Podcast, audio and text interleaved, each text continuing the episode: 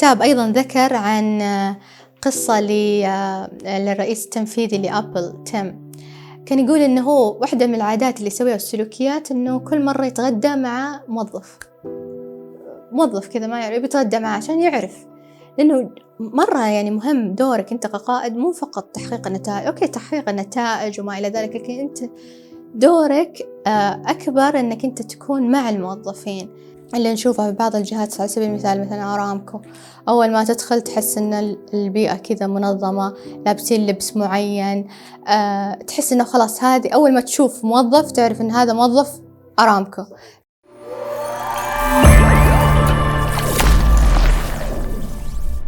لنلهم العالم مع الأستاذة منال الطوارقي. الله يحييك أستاذة منال. أهلا وسهلا الله يحييك. أهلا فيك. راح نتكلم اليوم في موضوع عن أهمية الاستثمار في رأس المال البشري. ما شاء الله أنت خبرتك في التعليم والتطوير أكثر من سبع سنوات. عندنا ثلاثة محاور اليوم. المحور الأول اللي هو ثقافة المنظمة المحور الثاني اللي هو بيئة العمل الصحية والآمنة وآخر محور اللي يهمني كذلك شخصيا اللي هو الاندماج الوظيفي. صراحة واحدة من الشغلات اللي تهم الشركات اللي هو آه، ثقافة المنظمة. فنبى نعرف أكثر عن ثقافة المنظمة. يعطيك العافية وشكرا على الاستضافة عبد المجيد. آه، يمكن موضوع ثقافة المنظمة هي واحدة من الأشياء أو خلينا نقول الهاجس لكثير من المنظمات. كيف إحنا ممكن يكون عندنا ثقافة ثقافة منظمة وكيف إحنا يكون عندنا ثقافة منظمة موحدة بين الموظفين. آه، يمكن في تعاريف كثيرة الحقيقة آه، في موضوع ثقافة المنظمة وإذا قلنا ثقافة المنظمة آه، هي كلمة واسعة صراحة وفضفاضة. لكن واحدة من خلينا نقول النماذج اللي متعارف عليها عالميا نموذج أدجر شاين. أدجر شاين هو واحد من أعلام ثقافة المنظمة وتكلم عليها كثير وفي كتب كثير يعني ألفها فيما يخص هذا الموضوع. آه، هو تكلم على ثلاثة مستويات أساسية لثقافة المنظمة. بالمستوى الأول يتكلم على الارتيفاكتس اللي هو المستوى خلينا نقول السطحي أو الظاهري هو المستوى الأول لثقافة المنظمة. آه، يتكلم عن إيش؟ عن إن المستوى الظاهري هو الشيء الظاهر للموظفين الشيء اللي إحنا نشوفه نحسه نسمعه بين الموظفين. على سبيل المثال قيم المنظمة آه، آه، الشعارات اللي موجودة الرؤية الرسالة الأشياء اللي ظاهرية. على سبيل المثال لو أنت مثلا الآن خلينا نقول رحت منظمة ما ودخلت الأول مرة وشفتهم مثلا عندهم صالة بلياردو وعندهم مثلا مكاتب مفتوحة إيش أول انطباع بيعطيك؟ هذا انطباع أحس إنه أوكي بيئة العمل جدا ممتازة.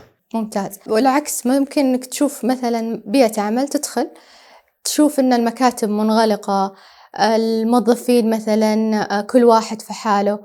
تأخذ هذا هو الانطباع خلينا نقول الأولي عن الثقافة. صحيح. آه، فهنا الفرق إن هنا إنك تشوف الشيء الظاهري المست... البداية خلينا نقول ال first impression الانطباع الأول عن ثقافة المنظمة. لذلك في أشياء كثيرة المنظمات تهتم فيها فيما يخص المكاتب طريقة العمل الزي الرسمي dress code يعني على سبيل المثال يمكن واحدة من الأمثلة اللي يمكن اللي نشوفها في بعض الجهات على سبيل المثال مثلا أرامكو. أول ما تدخل تحس إن البيئة كذا منظمة لابسين لبس معين أه تحس إنه خلاص هذه أول ما تشوف موظف تعرف إن هذا موظف أرامكو. صحيح. تعرف هذا موظف في البنك الفلاني في الجهة الفلانية. خلينا نقول هذا الشيء الظاهري. هذا أول مستوى. المستوى الثاني اللي هو يتكلم عنه اللي هو الفاليوز اللي هي القيم. وهنا إحنا يمكن ما بنتكلم عن القيم الأفراد إحنا بنتكلم عن القيم المؤسسية. ولما نتكلم عن القيم المؤسسية لها آه، تعريف اللي هو خلينا نقول الأساس أو هي اللبنة الأساسية اللي تعكس ثقافة المنظمة. كيف الموظفين يتعاملون بينهم وبين بعض؟ كيف الموظف يتعامل مع الجهات الأخرى؟ كيف أيضا القيادات اللي موجودة في المنظمة كيف تعاملاتها مع بعضها البعض. لذلك يمكن في اهتمام يمكن واسع وبشكل كبير من كل خصوصا يعني في الجهات الحكومية في الشركات الخاصة على موضوع ال values لأنه وش اللي يربط بين الموظفين؟ هي ال values القيم. فلما يكون عندك قيم معينة ومحددة وفعلا تعيش هذه القيم آه، آه، بتكون عندك خلينا نقول هذا المكون الثاني لثقافة المنظمة. نجي للمستوى الأخير المستوى الثالث وهو مستوى شوي أعمق وهو اللي يمكن فعلا يمكن عندك الظاهري وعندك values بس خلينا ندخل بشكل أعمق بشكل أكبر على اللي هو سماها ال underlying beliefs اللي هي المعتقدات الأساسية.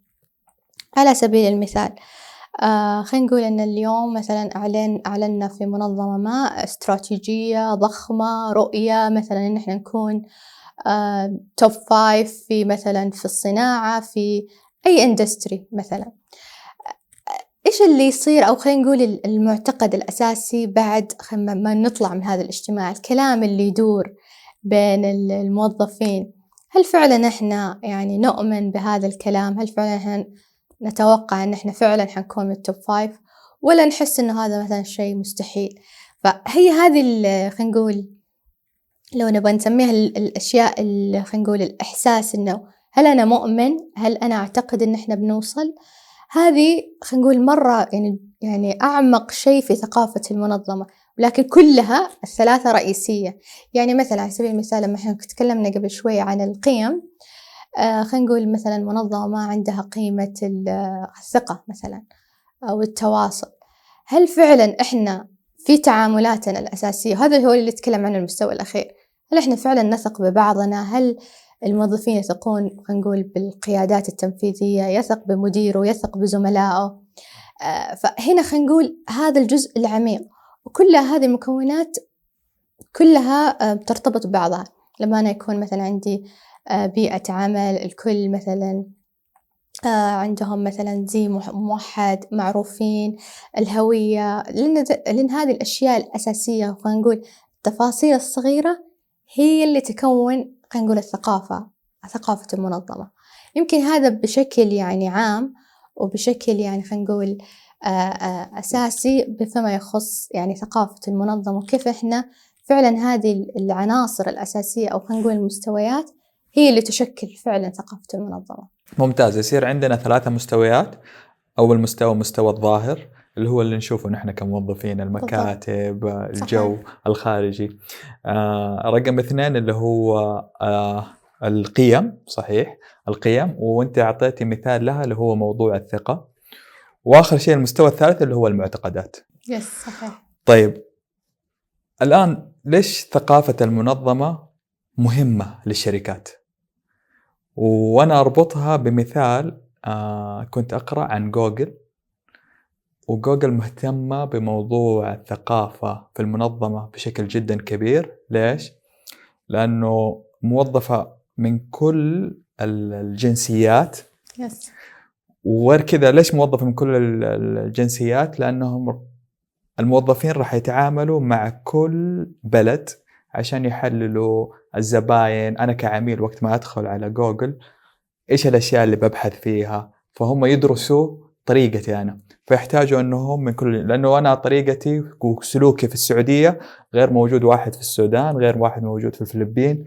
فيحتاجوا من فعشان كذا عينوا إدارة خاصة بموضوع الثقافة. فإيش أهمية الثقافة في المنظمات؟ ممتاز. آه، ثقافة المنظمة جدا مهمة. يعني خلينا نقول هي الأساس اللي اللي دائما المنظمات تهتم فيها.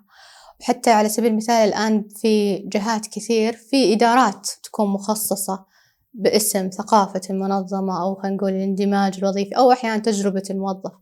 فهذه كلها مسميات لكن هي تعني موضوع الثقافة. وهذه تعكس بشكل كبير أن موضوع الثقافة جدا مهم. في واحدة من المقولات الشهيرة لبيتر دراكر هو واحد من أعلام الإدارة المعروف يقول آه، culture eat strategy for breakfast. صحيح. ممكن أنت تبني الاستراتيجية لسنوات بالضبط. طويلة وتدخل وتدفع فلوس لكن ترى الثقافة إذا ما هي متقبلة الوضع ترى بالضبط بالضبط. ليش؟ لأنه الآن الشركات الاستشارية يمكن الأغلب يشتغل مع شركات استشارية و... ويدفع فلوس كثير. و... لكن هل ودائما الشركات الاستشارية لو تلاحظ في أي مشاريع كبيرة آه، دائما أول شيء يجي للكلتشر أول شيء يبدأ فيه. هل أنتم فعلا هذه الاستراتيجية خلينا نقول استراتيجية مثلا على مستوى المنظمة خلينا نقول على موضوع تحول أو موضوع مثلا تعلم وتطوير أو أي شيء جديد على هذه المنظمة كثقافة؟ أول شيء يجي نحلل دائما يبدون بأول step إن إحنا نحلل الوضع الراهن. هذه أول step دائما نبدأ, نبدأ فيها. آه ليش؟ لأن مهم إنك أنت تعرف ال culture الحالية. الشيء الموجود الآن حالي الحالي وإيش الشيء اللي إحنا اللي نقدر نحققه؟ آه خلينا نقول المخرج اللي نقدر إحنا نحققه وين الوضع الراهن وين نبغى نوصل؟ بالضبط. فلذلك آه لما أنا يكون عندي استراتيجي وأبنيها ويمكن تاخذ الاستراتيجية هذه وقت طويل وأكيد ميزانيات وموظفين يشتغلون عليها وإذا أنا ما عندي ثقافة تدعم هنقول ثقافة تدعم هذه الاستراتيجية أو هذه المبادرة أو هذه هنقول التحول اللي قاعد يصير مستحيل مستحيل تنجح. لذلك مرة مهم موضوع آه، آه، ثقافة المنظمة وخصوصا أن يكون في دعم كبير. ودائما يمكن إحنا لما نتكلم عن الثقافة دائما أول شيء نبدأ مع ال senior level مع خلينا نقول اللي هم المرتبة العليا هم المرتبة المناصب العليا, العليا. المناصب العليا القيادات التنفيذية الرئيس التنفيذي أعلى level في المنظمة وال team اللي معاه. لأنه مهم إنهم هذول هم الأشخاص هم يعتبرون المؤثرين في المنظمة. إذا هم فعلا كانوا داعمين للموضوع أيضا القيادات يعني إحنا ما بنتكلم بس على على القيادة التنفيذية أيضا القيادات الليدرز المدراء المباشرين كلهم هذول كل الأشخاص مهم إنهم فعلا يكون داعمين لهذه الاستراتيجية أو هذه المبادرة. نرجع لسؤالك ليش مهمة؟ لأنها أول شيء هي خلينا نقول تعتبر هوية المنظمة. لما يكون عندي ثقافة موحدة ثقافة متعارف عليها الكل قاعد يعيشها الكل, الكل يعني مؤمن فيها وقاعد يعيش الثقافة هذه بيكون أنا عندي هوية منظمة عالية وقوية ويصير أنا خلاص خلاص أنا أعرف الجهة الفلانية ما شاء الله عليهم عندهم كفاءات مميزة. خلاص تصير زي خلينا نقول العلامة أو ال personal branding خلينا نقول branding للجهة هذه. أيوه. شعار آه، وهوية. شعار وهوية. آه والله مثلا تروح لمنظمة ثانية يقول لك والله مثلا آه هم أقوياء في هذا الموضوع. أو في خلينا نقول موضوع آه لو نذكر على سبيل المثال آه نرجع لموضوع أرامكو. أرامكو معروفين بالالتزام بال عندهم القيود الأنظمة أقوياء في هذا الموضوع. فخلاص الكل عارف إنه أرامكو كذا البنك الفلاني كذا المنظمة الفلانية فخلاص يكون عندك هوية. وهذا الشيء اللي يساعد حتى في كل العمليات.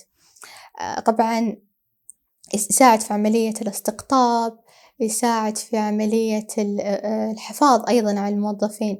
أنا لما أكون في منظمة آه، عندها ثقافة عمل وشيء يعني أشياء واضحة خلينا نقول ثقافة مو بس إحنا نتكلم عن ثقافة الموظف خلينا نقول مثلا على سبيل المثال في حكم يعني عملي في التعلم والتطوير لما يكون مثلا عندي جهة آه، داعمة لعملية التعلم والتطوير وهاي الثقافة آه، أكيد الموظف بيجلس في في في مكان آه، الجهة هذه قاعدة تستثمر في هذا في الموظف وتدعم عملية التعلم والتطوير الخاصة بالموظف. أيضا هذا واحدة من الأشياء يمكن واحدة من المحاور اللي بتكلم عنها الاندماج الوظيفي لكن إحنا لو نرجع للاندماج أساسه أن يكون عندي ثقافة ثقافة yes okay. فأنا لما يكون عندي ثقافة واضحة values آه ثقافة تدعم هذا برضو بيرفع ال ال واحدة من الأشياء خلينا نقول مخرجات إن إحنا نرفع الاندماج الوظيفي وإن إحنا نحافظ أيضا على الموظفين. لأنه أنا صراحة من الأشياء اللي أنا مؤمنة فيها وبدور خلينا نقول آه، رأس المال البشري. يمكن أنا ما أسميه صراحة موارد بشرية لأنه هذا الاسم آه، صار قديم وصار قديم. يعني ما يعكس فعلا الدور الحقيقي الحقيقي خلينا نقول للموارد البشرية اللي هو رأس المال البشري. إنك أنت تهتم في البشر تهتم بأهم أصل موجود عندك أنت في أي منظمة اللي هم الأشخاص الموظفين. فاهتمامك فيهم هو اللي بينجح المنظمة. آه لا هي ماشينز ولا هي أدوات ولا أي أحد هم الموظفين هم اللي رأس المال. لذلك الاهتمام فيهم تعزيز الاندماج أيضا على موضوع الإنتاجية أيضا يرفع مستوى الإنتاجية ويخف يخفض أيضا من موضوع التيرن أوفر للموظفين. اللي هو التسرب الوظيفي بالضبط بالضبط التسرب الوظيفي. فهذه كلها عوامل آه تأثر لما أنا يكون آه عندي values عندي mission عندي أهداف استراتيجية أؤمن فيها الكل قاعد يعمل بشغف و... وبحماس لهذا لهذا تحقيق هذه المنجزات بيكون أنا عندي ثقافة. فهي ثقافة ترى يعني يمكن آه يعني تحتاج يمكن وقت أطول من إن إحنا فعلا نحددها. وهي آه، خلينا نقول أساس في كل التعاملات في أعمال رأس المال البشري فيما يخص توظيف حتى في التوظيف. إحنا لما نجي نوظف آه على سبيل المثال في, في التوظيف آه واحدة من الأشياء إنك فعلا تتأكد أنت ك ك كمسؤول في استقطاب المواهب إنك أنت تجيب الأشخاص اللي فت للكتشر الكلتشر اللي يناسبوا مناسبين للثقافة. لأنه صعب إنك أنت تجيب عندك ثقافة. لأن نرجع للنقطة الأولى إن أنت أول شيء لازم تحدد الثقافة اللي أنت تبغى تكون عليها. السلوكيات خلينا نقول بشكل يعني محدد أكثر. شو السلوكيات اللي تبغاها يعني يمثلها الموظف؟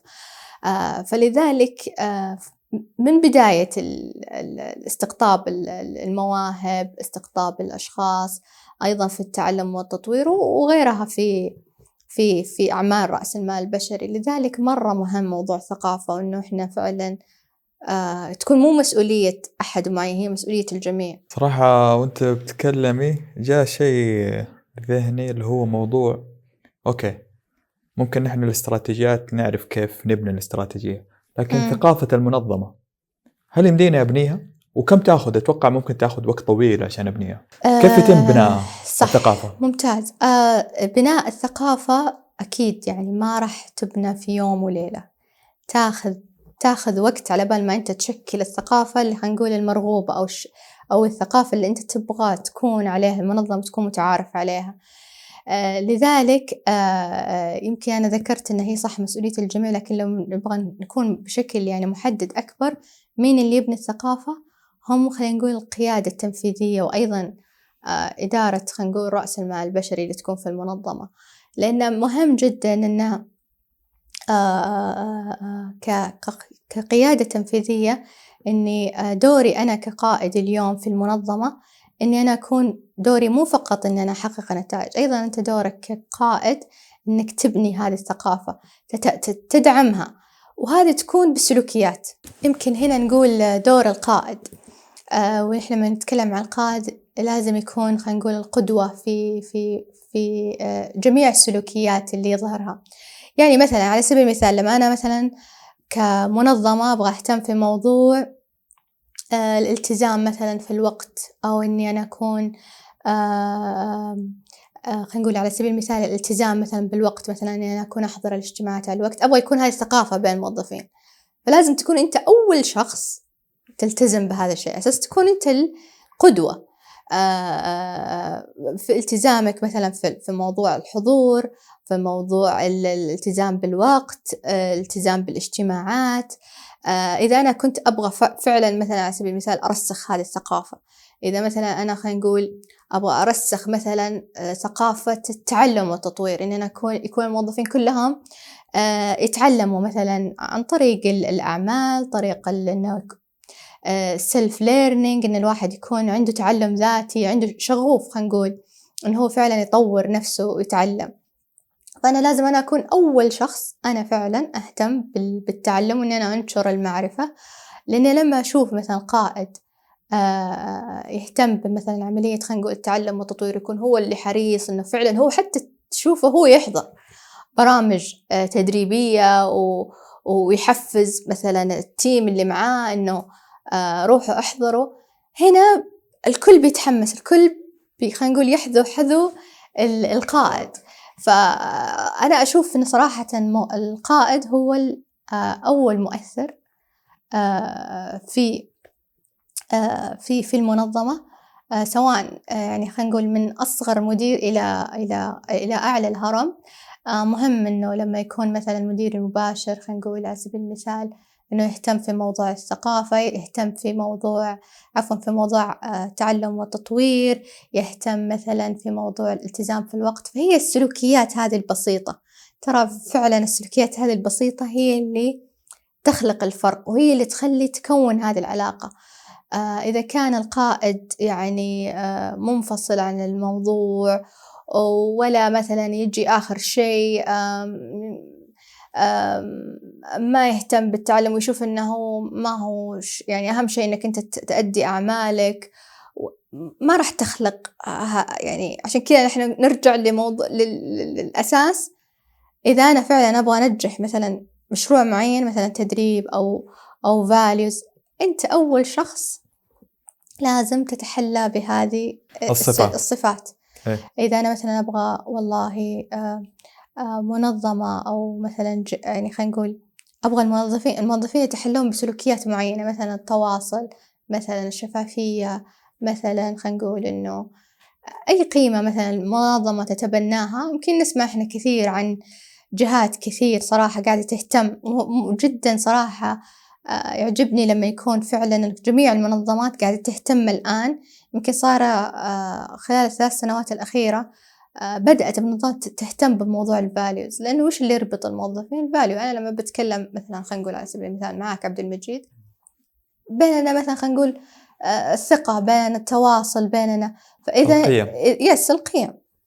هي القيم صراحة يمكن هذا يمكن موضوع ثاني لكن القيم هي أساس في كل تعاملاتنا. هي اللي تحرك السلوكيات أساساً. آه، فلذلك آه، آه، دور خلينا نقول القائد أيضا رأس المال البشري بحيث إنه فعلا يلاحظ هذه السلوكيات يشوف إذا مثلا والله مثلا في موظف أو مثلا في كلتشر أو في behaviors قاعدة تخرب الكلتشر هذه. يعني مثلا والله صاير في, في المنظمة مثلا أو مثلا خلينا نقول في إدارة معينة صاير مثلا سلوكيات إنه مثلا في مشاكل مثلا بين الموظفين آه في مثلا آه آه خلينا نقول ما في اندماج أو ما في تعاون أو, أو هذه الإدارة إنتاجيتها مثلا منخفضة نرجع للأسباب إيش الأسباب؟ هي تراها سلوكيات أنت ربطيه بمثال اللي هو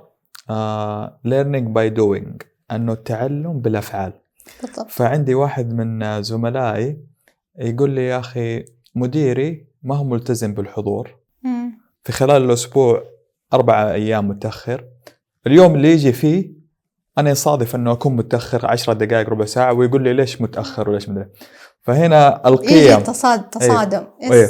وعلى النقيض أنا مثلا مديري الآن الحالي ملتزم بالوقت فيحفزني أنه أنا أجي قبله بالطبع. وأكون معاه على الوقت فهنا رقم واحد أنت النقطة اللي كنت بتوصل إليها اللي هو موضوع التبني والتحفيز للموظفين yes, yes. للقيم هذه. صراحة في واحدة من الكتب صراحة اللي أنا مرة يعني آه تتكلم تكلمت بشكل كبير عن هذا الموضوع. آه يمكن آه هو اسمه No Hard Feelings. هو يتكلم على ال ال قديش آه ال emotions قديش السلوكيات والمشاعر قديش انها هي مرة مهمة في أو خلينا نقول التفاصيل الصغيرة إحنا نتكلم فيها آه، قديش تفرق. يمكن ذكر في الكتاب عن 10 5 rules هذه آه، في ريتز كارلتون آه، متبعين هذه 10 5 10 5 إيش هي؟ يقول لك إذا مثلا أنت كنت 10 feet تبعد 10 feet من من من زميلك. 10 أقدام. 10 أقدام من الموظف أو من زميلك. سوي معاه eye contact تواصل معاه يعني طالع فيه. آه، إذا مثلا كنت five feet اللي هو خمس أقدام سلم عليه. قول له كيف حالك اليوم؟ إيش أخبارك؟ آه، إيش مسوي اليوم؟ كيف الشغل؟ لأنه هذه الأشياء التفاصيل الصغيرة تفرق. يمكن إحنا أول في بداية اللقاء تكلمنا عن المستوى الظاهري. لما أشوف الفريق والزملاء والزميلات مثلا يتكلموا مع بعض آه، المكان حي خلينا نقول. بتحس إنه هذه الإدارة احسن اداره الحي يحييك بالضبط تحس إن هذه الإدارة حية. تحس هذه الإدارة آه آه خلينا نقول الكل يحب يجي هذه الإدارة ويجي يتكلم مع الموظفين. آه وبالغ... والعكس صحيح ممكن تروح الإدارة تحس إن الكل قاعد على الجهاز لا تكلمني حتى لما أنت تمر ما يطالع ما يرمش. هذا من ناحية التفاصيل البسيطة. يعني حتى مثلا هذا الكتاب أيضا ذكر عن قصة للرئيس التنفيذي لأبل تيم. كان يقول إنه هو واحدة من العادات اللي يسويها السلوكيات إنه كل مرة يتغدى مع موظف. موظف كذا ما يعرف يتغدى معه عشان يعرف. لأنه مرة يعني مهم دورك أنت كقائد مو فقط تحقيق النتائج. أوكي تحقيق النتائج وما إلى ذلك لكن أنت دورك آه، أكبر أنك أنت تكون مع الموظفين. تعرف إيش اللي صاير إيش السلوكيات آه، آه، تأثر أحيانا يعني خلينا نقول المحادثات هذه البسيطة اللي تكون مع الموظفين جدا تفرق تفرق جدا يعني دائما إحنا نسمع عن القادة المؤثرين الأشخاص اللي فعلا خلينا نقول ملهمين. فأنت لما مجرد إنك مثلا تتكلم أحيانا الموظف بس يحتاج أحد يسمع له. يعني بس بكل بكل بساطة. يمكن أحيانا بس يجي أحد شخص بس يبغى يتكلم آه، يبغى يفضفض. يمكن ما يحتاج أي شيء بس إنك أنت تسمع سمعت آه وممكن إنك أنت تاخذ أكشن عليها. هذا هذا دور القائد صراحة. لذلك أنا أقول لما دائما أحيانا وهذه من الأشياء والتفاصيل اللي تفرق في ثقافة المنظمة. مثلا نقول والله في الجهة الفلانية القيادة هناك داعمة. القيادة هناك تدعمك تمكنك آه القائد يسمع لك آه أيضا هذه وحدة من الفاكتور خلينا نقول أو العناصر اللي جدا مهمة وتأثر صراحة في ثقافة المنظمة. آه فيمكن هذه بشكل بسيط قديش إن إحنا ممكن نبني وهي ما هي يعني بنا أو خلاص أنا بنيت الثقافة وانتهى لا هي لازم مستمرة. يعني ما ما لها خلينا نقول آه، موعد محدد أو وقت محدد أنا أقول والله يحتاج سنة أو سنتين. هي شيء مستمر. وهنا اللي خلينا نقول هنا المهمة الصعبة إنك أنت فعلا استمرار. آه الاستمرارية إنك فعلا خلاص أنت خلقت هذه الثقافة الكل كان يتحلى بهذه السلوكيات. كيف أنت آه تكون مستدامة.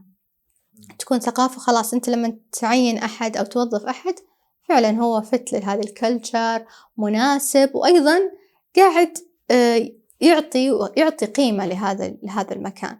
فلذلك هي مستمرة وليست يعني شيء أنا بنيته وأوقف لا في شيء مستمر. هذا يقودنا للمحور الثاني اللي هو البيئة الصحية المهنية. مم.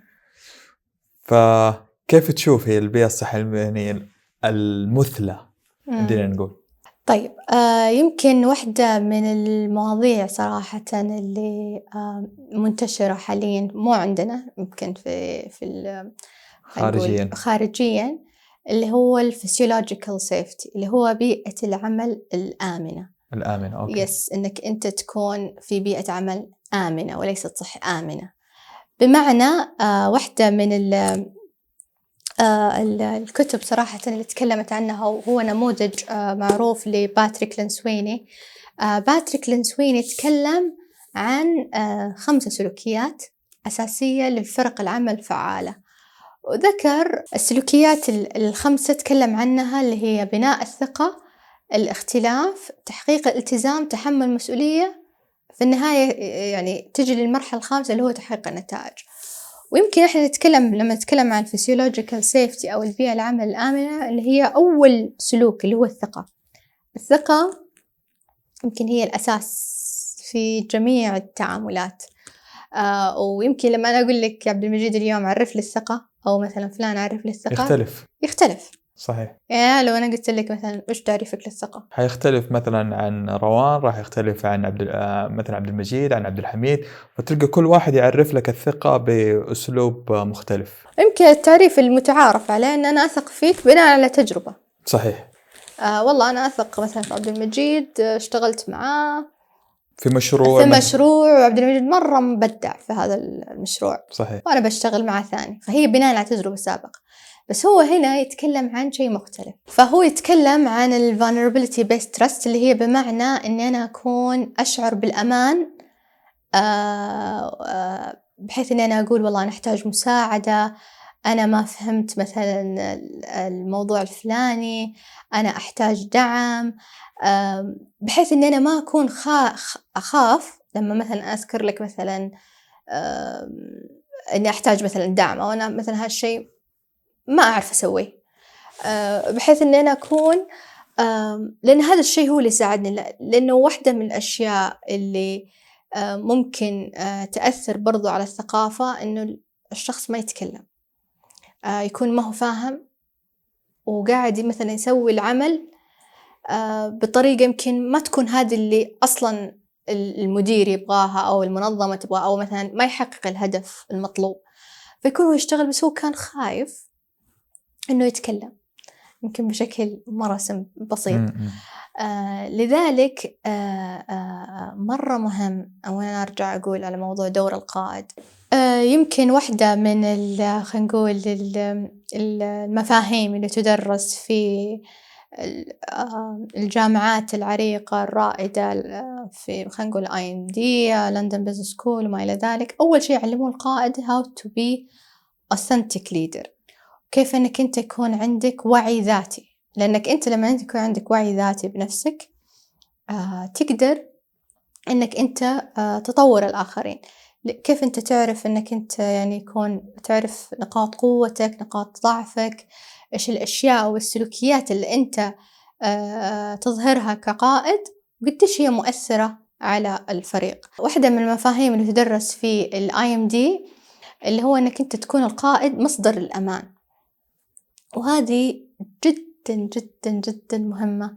آه لك دورك الدور كقائد. آه وهي نفس تعقيبا على كلامنا على موضوع ال psychological safety هو القائد هو اللي يخلق خلينا نقول البيئة الآمنة. إنك أنت تكون آه الموظف يقدر يتكلم معاك ما يخاف يسألك الأسئلة اللي أحيانا تكون صعبة عليك أنت صعبة على موظف إنه هو يقولها. آه في أشياء يقول والله أنا مثلا ما أعرف okay أنت أعطيتني المهمة الفلانية بس أنا ما أعرف كيف أسويها.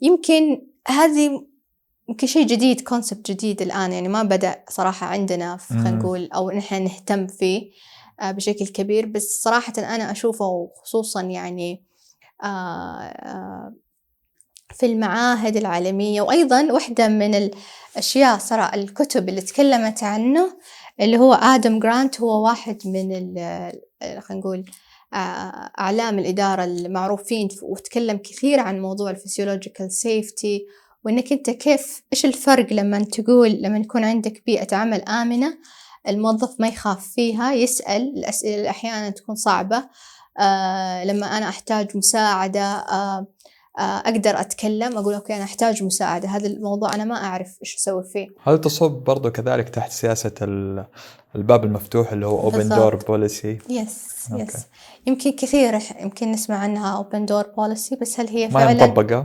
إيه، هل هي مطبقة؟ فعليا هذه again لما نرجع نقول على موضوع الثقافة.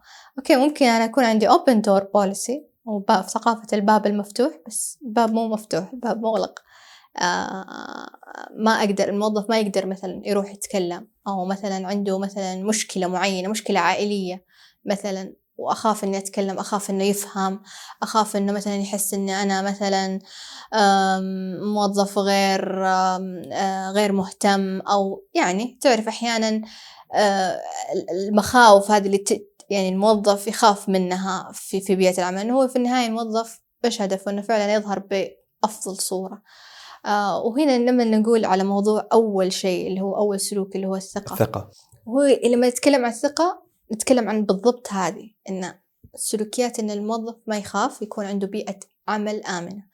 بعدها نجي لموضوع لما أنا يكون عندي هذه الثقة سواء بيني وبين زملائي بيني وبين مديري بيني وبين آه بين الموظفين خلينا نقول بشكل عام. نجي نجي هنا للموضوع السلوك الثاني اللي هو آه، فن الخلاف. وإن إحنا فعلا يعني لما نختلف الخلاف الخلاف يكون صحي. ما يكون خلاف يعني خلينا نقول آه لما نقول خلاف الواحد أول شيء يسمعه يقول لك إحنا مثلا بيكون في تصادمات. لا إنه يكون في وجهات نظر آه, آه، مختلفة بس نحتاج إن إحنا نتكلمها. ما أكون أنا خايف إني مثلا أقول وجهة النظر هذه ويقوم يزعل مثلا فلان. أو يزعل مثلا آه، أو يتضايق أحد ما. آه، واحدة برضو من المفاهيم أيضا اللي تدرس في ال IMD أتذكر واحد من البروفيسور هذه قصة صراحة قال لي عليها واحد من مدرائي السابقين وحضر course في ال IMD وكان يقول لي على هذا المفهوم اللي هو put the fish on the table. بمعنى ضع السمك على الطاولة. هذه إيش القصة؟ قصة إنه البروفيسور هذا اللي يدرس البرنامج التدريبي يقول آه إنه شاف آه مجموعة من الصيادين آه يصيدون سمك تعرفون يعني السمك يعني كيف يعني ريحته غير جيدة العمل فيه وتنظيفه يمكن صحيح. يمكن الرائحة ما هي يعني مناسبة فاللي شاف السلوك شاف هو هذا البروفيسور شاف إنه هذول والله يضحكون ويتكلمون وينظفون السمك مع إن يعني الوضع يعني شوي يعني غير جيد ورايحة غير جيدة لكن هم كانوا مستمتعين يتكلموا ويضحكوا وكذا. في النهاية نظفوا السمك وطبخوا السمك واستمتعوا بوجبة خلينا نقول شهية فهو كيف ربطها؟ إنه أحيانا الخلاف آه يكون مو ما هو مريح يمكن لاني أنا مثلا أختلف معاك مثلا عبد المجيد أو أختلف مثلا مع أحمد أو أختلف مثلا مع روان. بس لازم إني أنا أبين وجهة النظر. هنا تبا هنا خلينا نقول موضوع إن أنا كيف أتكلم بطريقة اني أنا مثلا ما أجرح الآخرين وأنا أتكلم بطريقة فعالة وبحيث اني أنا كيف أنا أوصل فكرتي بطريقة مناسبة بس إني ما أسكت. أو مثلا أقول أوكي عشان ما يزعل ما تكلمت. بعدين أروح أطلع بعد الاجتماع وأبدأ أتكلم. لا ما ينفع. لازم عشان كذا هو قال put the fish on the table. حط المشكلة على الطاولة. بحيث إن الكل يتكلم. بس إذا كان أنا ما عندي السلوك الأول ما عندي ثقة ما حتكلم. فعشان كذا أقول لك دائما الثقة هي الأساس. نجي للسلوك الثالث اللي هو يتكلم على تحقيق الالتزام. إنك آه تكونوا ملتزمين آه في يعني آه، وجهات النظر تكون ملتزمين في في في في المشاريع وما إلى ذلك. تحمل المسؤولية لما نتكلم عنها هو السلوك الرابع تحمل المسؤولية هنا كان يتكلم إن إحنا كيف إحنا ك يعني كفريق عمل إن إحنا كيف نعطي بعض آراء خلينا نقول خلينا نقول فيدباك على بشكل سليم. آه، بحيث إني أنا لما مثلا أشوفك عبد المجيد قاعد تسوي سلوك مثلا غير جيد أو مثلا قاعد تشتغل في مهمة ممكن ما تحقق النتيجة المطلوبة إني أنبهك. هذا واجبي إن أنا كفريق عمل عشان كذا هو يقول فرق العمل فعالة فأنا لما أكون فريق عمل ما أخلي والله عبد المجيد يروح يغلط ويروح مثلا يسلم المشروع الفلاني وفي النهاية ما ينجح عبد المجيد. لا أنا يهمني لأنه نجاح عبد المجيد من نجاحي فكلنا إحنا كفريق عمل. فكيف إني أنا أنبه آه، عبد المجيد؟ بحيث إنه فعلا آه، إذا في شيء غلط في شيء يحتاج هو مساعدة في معلومة مثلا كانت ناقصة وأنا عندي هذه المعلومة إن أنا أروح وأساعد عبد المجيد. وهذا آه، يجي لآخر شيء اللي هو تحقيق التركيز على النتائج. إنه إحنا في النهاية كأي كأي منظمة أو جهة إحنا نحقق نتائج. يمكن واحدة من الأحداث العالمية اللي إحنا قاعدين نعيشها حاليا اللي هو كأس العالم في قطر آه ويمكن مثال يعني خلينا نقول آه على موضوع الفسيولوجيكال سيفتي وإنه قديش مرة مهم وتأثيره على الفريق. آه يمكن كلنا شفنا كلمة سمو سيدي ولي العهد محمد بن سلمان لما تكلم مع فريق المنتخب السعودي. إنه خليكم مستمتعين آه، آه، آه، استمتعوا قدموا أفضل أداء. يمكن هو واحدة من الرسائل اللي أرسلها إنه حط التوقع. ترى أنا أتوقع أتوقع منكم إنكم تلعبون لعبكم الجيد تلعبون وتستمتعون في في في الكأس وقديش إنه وصولكم ل لهذا الحدث المهم. هو يعتبر إنجاز. فهو في البداية آه، آه، آه، عزز موضوع شكرهم. هنا نقول الشكر والتقدير إنه على وحفزهم بأنكم أنتم أوكي وصلتوا لمرحلة جدا متقدمة إنه وصولكم في كأس العالم هو محدث من الأحداث العالمية. هذا يعتبر إنجاز. موضوع ثاني وركز عليه إنه استمتعوا. استمتعوا العبوا لعبكم قدموا أقصى شيء تقدرون تقدمونه للمنتخب. آه ثالث شيء إنه هو حط التوقعات إنه أنا ما أتوقع لا فوز ولا تعادل ولا خسارة فقط العبوا واستمتعوا باللعب. يمكن إحنا شفنا يعني ال ال يمكن ال ال كيف أدى الفريق صحيح، في في صحيح. مع الأرجنتين صحيح. وكيف يمكن كانت واحدة من الصراحة ال- اللي كلنا إحنا ك كشعب سعودي والعالم بأسرة صراحة كان جدا متحمس وفخور بهذا الإنجاز. صحيح صحيح. بس إيش سر؟ إيش السر؟ السر إن أنت أعطيت الأمان. أعطيت العب. أدي. آه فقط استمتع بال- بالعمل. أدي وأحط يعني هذا هذا اللي إحنا دائما نقوله يعني ك في في في ك كمتخصصين في في موضوع الثقافة وال- والتعلم والتطوير إنه خلي الموظف يؤدي أقصى ما عنده. حط توقعات. يس حط مهم جدا موضوع التوقعات إن أنا أتوقع منك الموضوع الفلاني وقديش إنه وضوح التوقعات تفرق الموظف يمكن آه آه الإنجاز اللي اللي حققه بحيث إنه فعلا كان في سيف انفايرمنت خلينا نقول بيئة آمنة أدى المنتخب بشكل يعني ممتاز. وهذه نتائج.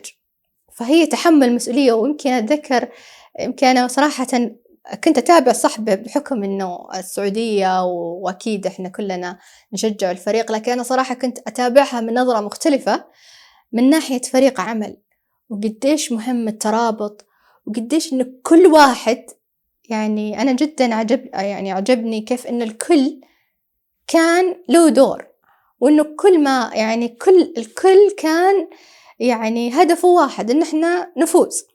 آه فما في إن أنت والله مثلا مدافع ولا مهاجم ولا أنا حارس أنا بس أحرس المرمى. لا الكل قاعد يعني آه يعمل كفريق واحد وروح واحدة والحمد لله ما شاء الله وصلنا لهذا الفوز. فهي هنا تترجم يمكن السلوكيات اللي إحنا ذكرناها قبل شوي. السلوكيات الخمسة من ناحية البيئة العمل الآمنة الثقة لما نوثقوا ببعضهم أيضا الدعم. يمكن آه، وزير الرياضة ما شاء الله واحدة من الأمثلة صراحة في موضوع إنه كيف حتى بعد المباراة بولندا والمكسيك كيف إنه آه، أحيانا الواحد صح يغلط أحيانا يخسر أحيانا ما ينجح. بس الأداء إنك أنت كيف إنك أنت فعلا يعني آه أنت كقائد آه دورك إنك أنت تلهم. دورك إنك أنت تأثر. دورك إنك أنت تدعم. هذا هو دور القائد الحقيقي. آه لأنه هذه هذه زي ما قلنا التفاصيل البسيطة فعلا هي اللي تفرق. فعلا إن شاء الله يعني آه يمكن هذا إكزامبل بسيط ونقدر إحنا ن- نطبقه أكيد في, في, في, في العمل. قديش إنه بيئة العمل الآمنة سلوكيات إنك أنت كقائد إنك أنت فعلا تكون معاهم في في في في العمل تشتغل معاهم تساعدهم تدعمهم. في أشياء يمكن القائد ما عنده أجوبة له. عادي أنت كقائد إنك أنت تقول أنا ما أعرف أو خليني أشوف أو أستشير شخص ما مو معناته إنك أنت مثلا قائد إنك أنت تعرف كل الأجوبة. صحيح. يمكن هذه واحدة من ال خلينا نقول المفاهيم الخاطئة أو إنه الموظف يحس إنه لا أحيانا القائد ما عنده أجوبة. بس أنت كقائد كيف إنك أنت أوكي أنا ما عندي أجوبة بس أنا آه راح أشوف راح ألاقي الحل. أحتاج عقولكم أحتاج آه كفاءاتكم. يعني هو في النهاية فريق واحد. فيمكن هذه يمكن أبرز فيما يخص السلوكيات أو إن إحنا كيف فعلا نخلق ال- البيئة العمل الآمنة. وفي صراحة كتب كثيرة يمكن بس أبرزها اللي ذكرتها آدم جرانت واحد من أهم الإعلام وتكلم كثير صراحة وعنده مقاطع كثير عن والكتاب هذا صراحة يعني I highly recommend أن الأشخاص يقرأوه. جدا مهم ويتكلم بشكل كبير عن بيئة العمل وثقافة العمل. صحيح صراحة يعني يمكن المثال اللي ضربتيه اللي هو مثال الدعم الإلهام اللي قدموه صراحة سمو الأمير وزير الرياضة حرك كثير وحتى خلى نحن آه زي ما تقول نرفع الهات ونرفع القبعة اللي كنا نحن نشوف فيها المنتخب وحتى أثر في النتيجة في النهاية. والكل راضي رغم يعني الهزيمة اللي بعدها لكن الكل راضي عن الأداء. طيب واحدة من الأشياء صراحة اللي جدا مهمة اللي هو المحور الثالث الاندم- الاندماج الوظيفي. لما نعرف الفرق أنا أشوف من وجهة نظري أتوقع ممكن الاندماج الوظيفي نفس الرضا الوظيفي ولا في فرق بينهم؟ yes آه يمكن واحدة من المفاهيم الخاطئة إنه الاندم... الرضا الوظيفي هو الاندماج الوظيفي. آه في فرق كبير بين الاندماج الوظيفي والرضا الوظيفي. الاندماج الوظيفي هو اللي يقدمه الموظف للمنظمة والرضا الوظيفي هو ما يحصل عليه الموظف من المنظمة. على سبيل المثال الرضا الوظيفي إن أنا راضي مثلا عن خلينا نقول خدمات مثلا الرواتب راضي عن خدمة مثلا التأمين الطبي راضي عن هي خدم عبارة عن خدمات خلينا نقول وقديش الموظف راضي عليها مستوى الرضا. مثلا راضي عن خلينا نقول دائما إحنا في خدمة العملاء دائما إنه هل أنت راضي مثلا عن موظف الاستقبال؟ هي فقط رضا اللي هو فقط خلينا نقول الشيء هو جزء من الاندماج الوظيفي. الاندماج الوظيفي هو ما يقدمه الموظف لل- للمنظمة وهي عبارة عن حالة شعور إيجابية آه، آه، مرتبطة طبعا بالعمل. بحيث أن الموظف تلاقيه آه، متحمس آه، مندمج في العمل عنده تفاني عالي طاقة تلاقي طاقته آه، جدا عالية. أحيانا يمكن تلاقيه جدا متحمس للعمل. فهذه تقول هنا هذا هو الاندماج الوظيفي. لكن الرضا مثلا أنا راضي عن خدمة معينة. فهنا هذا الفرق بينه وبين الاندماج الوظيفي الاندماج الوظيفي والرضا. الوظيفي طيب ممتاز. آه أنا مثلا عندي منشأة. أو شركة إيش ال- ال- المقاييس اللي أستخدمها عشان أعرف الموظفين مندمجين مع المنشأة ولا لا عشان أقيس الاندماج الوظيفي يس يمكن الاندماج الوظيفي واحدة من الهاجس دائما في المنظمات يمكن نسمع دائما آه آه عن جهات آه تتكلم على آه أفضل مكان. في جوائز طبعا صحيح. على موضوع جائزة الاندماج وكل الجهات تتسابق على هذا الموضوع لأن هي أيضا أجين واحدة من الأشياء اللي خلينا نقول تعكس هوية المنظمة ثقافة المنظمة. لما أنا أعرف والله الوزارة الفلانية أو الهيئة الفلان- الفلانية أو الشركة عندها مثلا أفضل بيئة حصلوا على جائزة أفضل بيئة عمل. فأنا مثلا ك خلينا نقول خارج المنظمة بكون يعني آه، متحمسة بعرف وش البيئة اللي هم آه، ما شاء الله يعني أخذوا الجائزة عليها. وممكن تكون برضو دعاية للتوظيف كذلك. بالضبط بالضبط. أبى أتوظف في المنشأة ذي أبى أتوظف في هذه المنشأة أخذوا الجائزة آه هذه. فبكون مرة متحمسة أنا بعرف وليش أكيد أخذوا أفضل بيئة عمل في في في عندهم أمور مميزة. لذلك يمكن دائما موضوع الاندماج آه دائما يمكن إحنا نهاية السنة الآن آه ودائما الاندماج بالعادة يقاس نهاية العام آه وفي أدوات كثيرة أدوات كثيرة للاندماج. زي مثلا عندنا Korn Ferry واحدة من الأدوات Korn Ferry assessment برضو عندنا Gallup واحدة من ال assessment برضو المتعارف عليها. في موضوع الاندماج وفي أدوات صراحة كثيرة لكن يمكن أنا اللي يهمني أتكلم عليه مو الأداة نفسها لكن كيف إحنا نستخدم هذه الأداة؟ يمكن آه، الأداة متوفرة.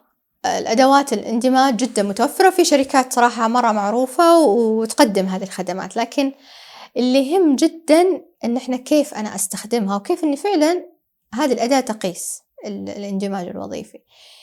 يعني زي ما ذكرنا في التعريف هو حالة ذهنية إيجابية.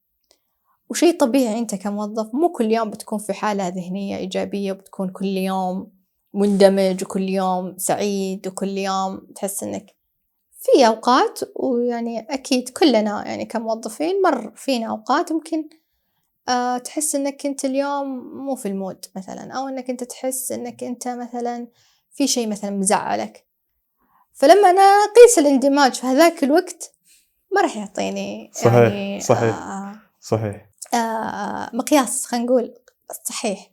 لذلك يمكن آه لما نحن بنتطرق على موضوع التحديات آه الاندماج الوظيفي ما هو شيء ثابت. يعني مو شيء إحنا يعني في وقت معين لازم أنا أقيس هذا الاندماج وخاصة أنا أحكم على السنة كلها انه أو خلينا نقول على المنظمة كلها إنهم ما هم مندمجين أو أخذوا نسبة معينة مثلا في في في الاندماج. لذلك هو شيء متغير. لذلك الأشياء اللي إحنا ننصح فيها دائما إن آه، خلي المقياس في يعني كذا مرة في السنة وما يكون عدد الأسئلة كثير. يمكن واحدة من التحديات أيضا إنه يكون عدد الأسئلة في مقاييس صراحة عدد الأسئلة مرة كبير يعني خمسين سؤال. لذلك الموظف يمكن ما لما أنت تحطها يعني تسويها كذا مرة بيكون يعني صعب إنك يعني كموظف تجاوب على الكم الهائل من الأسئلة. خصوصا إن في أشياء تحتاج إنك أنت تكتب مثلا أشياء معينة. آه فالإندماج واحدة من التحديات الأولى إنه آه هو متغير وليس ثابت. عدد الأسئلة ومحاورها. آه أيضا واحدة من التحديات إنه الإندماج مسؤولة عنه إدارة معينة. أو خلينا نقول الإدارة هذه اللي إحنا سميناها يمكن في بداية الحلقة اللي هي الإندماج الوظيفي أو تجربة الموظف في بعض الأورجنايزيشن قاعد تسميها أو آه ثقافة المنظمة من هذه المسميات. فالاندماج الوظيفي صح يمكن في قسم معين يكون هو اللي خلينا نقول يسوي الاستبيان آه يبدأ يحلل النتائج بعدها يصير عليها خط العمل وما إلى ذلك. أكيد في مسؤولية معي. بس مين المسؤول الحقيقي عن إن إحنا فعلا نزيد نسبة الاندماج أو فعلا إحنا نحافظ على هذا الاندماج هي مسؤولية الجميع. الجميع. آه، الجميع القادة الموظفين مسؤولية مسؤولية الجميع إن إحنا فعلا نحافظ على آه، على أن يكون عندنا نسبة اندماج عالية. لأن لما يكون عندي آه، نسبة اندماج عالية هذا بيخليني أنا أحافظ على الموظفين يكون عندي ثقافة زي ما تكلمنا في البداية ثقافة ثقافة عمل مميزة بيئة عمل صحية وما إلى ذلك. ف كل هذه عوامل تساعد إن إحنا يكون عندنا آه، الاندماج الوظيفي يكون بشكل يعني مستوى عالي. طيب آه، سؤال جدا مهم ونختم فيه تحت موضوع الاندماج الوظيفي، ما هي أهم العوامل لزيادة الاندماج الوظيفي؟ ممتاز يمكن لو إحنا بنتكلم وش العوامل المؤثرة في الاندماج الوظيفي في عوامل صراحة كثير لكن في أحدث آه، بحث سوته غالب غالب هي واحدة من الشركات المعروفة في موضوع الاندماج وعندهم استبيان يعني معروف عالميا فيه 12 سؤال في جهات صراحة تستخدمه آه، لكن اكتش... آه، نتيجة البحث هذا إيش يقول؟ يقول في ثلاثة عوامل أساسية ورئيسية في الاندماج الوظيفي اللي هي أن الموظف آه، شعور الموظف إنه هو عنده شايف إنه في فرص إنه هو يقدم أفضل ما عنده. هذا يخلي الموظف يكون مندمج آه، وظيفيا. العامل الثاني اللي هو ال recognition and praise وهو اللي إحنا نقول عليه اللي هو ثقافة خلينا نقول الشكر والتقدير العرفان. والعرفان. لما أنا مثلا الجهود الموظف قاعد يسويها قاعد يعني ياخذ عليها الشكر والتقدير. آخر شيء ويمكن واحدة من العوامل اللي هو موضوع المدير المباشر. هل أنا عندي آه، فعلا مدير مباشر يهتم؟ يعني حتى هم كاتبينها إنه مهتم. يعني يكون قريب من آه، أي. الموظف. يكون مدير مهتم آه، فيني أنا كموظف يهتم بتطويري يهتم فيني أنا شخصيا. فالاهتمام برضو واحدة من خلينا نقول العوامل الرئيسية. في الاندماج الوظيفي. يمكن واحدة يمكن يمكن كلنا سمعنا بنتائج بحث يقول لك ال people leave manager not organization. صحيح. لأنه فعلا الأشخاص أنا واحدة من الأشياء اللي صراحة أؤمن فيها إنه ال people work for people. الأشخاص قاعدة تشتغل يعني الأشخاص. الأشخاص. فأنا لما يكون عندي مثلا مدير داعم مدير يهتم مدير يحفز فهذا الشيء يخلي عنده دافع للموظف إنه يجي كل يوم لأنه كلنا يمكن لو نسأل أنفسنا كلنا موظفين ونعرف إن إحنا أحيانا يعني نجلس في في العمل أكثر ما إحنا نجلس في البيت. آه، وساعات يعني عمل طويلة. صحيح. آخر نقطة أستاذ منال اللي هو نبغى كلمة توجهيها لأصدقاء قناة لنهم العالم. طيب أول شيء يعطيك العافية عبد المجيد. يعني لقاء صراحة جميل وسعدت صراحة بهذه الاستضافة. آه نصيحتي آه لأي شخص في في المجال المهني والوظيفي أنت مسؤول عن نفسك. آه مسؤول عن تطويرك مسؤول عن آه عملك مسؤول عن سلوكياتك. آه آه لأن في النهاية أنت مسؤول خلينا نقول بشكل مختصر أنت مسؤول عن سيرتك الذاتية. أنت وش تبغى؟ الإنجازات اللي أنت تبي تحققها. أنت وش الأشياء اللي أنت أصلا تبغى توصل لها؟ إيش طموحك؟ إيش شغفك في مجالك الوظيفي؟ يمكن هذه نصيحة دائما أقولها خصيصا للمتدربين في برامج التدريب التعاوني. دائما أقول إنه عادي الواحد يغلط عادي الواحد يسأل إذا ما يعرف. آه بس أهم شيء إنه آه آه دائما تحاول تحاول إنك أنت تتعلم تحاول. ما في يعني كلنا إلى اليوم إحنا قاعدين نتعلم. يعني الكل يعني من جميع المستويات الكل قاعد يتعلم. رحلة التعلم عمرها ما توقف على مثلا شهادة عمرها ما توقف على خلينا نقول professional certification أو شهادة مهنية أنا أحصل عليها وخلاص أنا صرت خبير في المجال. لا عمرها ما كانت كذا. دائما رحلة التعلم دائما مستمرة. فأنت مسؤول أنك أنت تتعلم. إذا في شهادات تحس أنها ممكن تضيف لك آه، مرة مهم أنك يعني تحرص عليها. لا تنتظر المنظمة أو تنتظر مديرك أو تنتظر الجهة تدفع لك. لا أنت دائما خلي أنت دائما استثمارك في نفسك استثمارك آه، آه، لأن هذا الاستثمار هو اللي بيوصلك للمكان اللي اللي أنت تبغى توصل له في نهاية مشوارك. أيضا في شيء صراحة مرة مهم يمكن هذه النصيحة الثانية العلاقات. ترى مرة مهم أوكي إحنا ممكن إنك تشتغل تنجز أفضل شخص. بس مهم مهم مهم مهم موضوع العلاقات. إنك أنت تبني علاقات علاقات ممتازة أو جيدة طبعا مع آه، فريق العمل تشتغل معاه مع مديرك حتى مع أشخاص أنت ما تعرفهم. أنت ما تعرف أحيانا آه، آه، ممكن هذا الشخص اللي أنت مثلا ما كنت متحمس له ممكن وش الفرصة اللي ممكن يقدمها لك؟ تتعرف عليه في جهة ما أو في مكان ما يوصلك لشيء يمكن أنت ما عمرك تحلم فيه أساسا.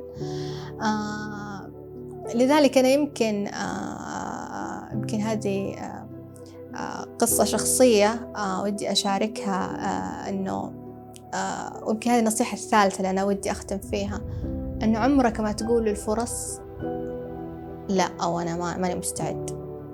دائما نقول يمكن هذه مقولة لريتشارد هو واحد في في في مجال التسويق كان يقول دائما إذا جاتك أي فرصة لا تقول لها لا. قول okay بعدين أنت فكر فيها كيف؟ تصرف شوف أنت وش ممكن تسوي.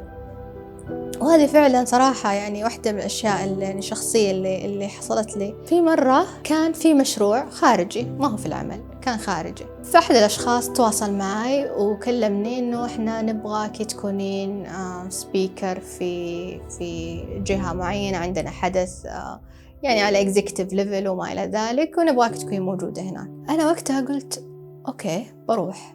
بس أنا وقتها ما أعرف إيش ممكن أسوي. آه كنت صراحة في البداية لأكون صريحة معك كنت بقول لا. لأنه أنا ما قد رحت يعني ما قد يعني رحت لمكان أو خلينا نقول سويت هذا النشاط خلينا أو الشيء اللي اللي كان مطلوب. فكان عندي تخوف كنت بقول لا بعدين قلت okay قولي إيوه بعدين نشوف. وفعلا آه قلت تمام okay وأنا فعلا ما كنت أعرف إيش بيصير. آه فبديت أجهز بديت مع إني وقتها وأنا أجهز وهذا أحس إني ماني مقتنعة بس قلت خليني أروح. فيمكن هذه النصيحة الرابعة أنك تطلع من منطقة الراحة. يمكن أحيانا الواحد يقول لا أنا ما أقدر أو أنا فرصة تجي. يقول أنا ما أقدر لأنه مو مستعد. لا okay قولي okay. آه أنا أقدر واسويه وفعلا أنا صراحة وقتها لما رحت واكتشفت وبديت أتعرف على أشخاص جاتني فرص أكثر أكبر. فما تعرف أحيانا تقول لي فرصة وأنت ما تعرف إيش هي. طب okay روح جرب. مو خسران. ف يمكن واحدة كمان من النصائح اللي دائما أقولها خصوصا لمدربي التدريب التعاوني. خلي عندك حس الفضول. الكيوريوسيتي مرة مهمة. تعلم. خلي إنك أنت دائما تسأل آه، تبي تتعلم أشياء جديدة آه، تتعرف على ناس جدد. فيمكن هذه كلها النصائح هذه جدا مهمة. آه، يمكن الكل يعرفها صراحة. يمكن ما هو شيء جديد أو يمكن مو أول مرة نسمعها.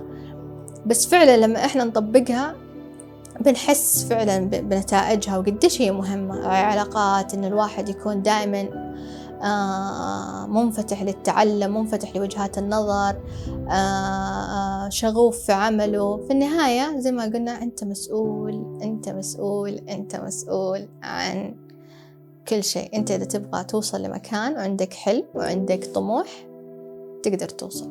بس تحتاج فقط أنك يعني تستمر وتبني هذه العلاقات وبتوصل. يعطيك الصحة والعافية. شكرا لوقتك. صراحة حلقة جدا مميزة. آه، تكلمنا بشكل مسهب عن ثقافة المنظمة والاندماج الوظيفي.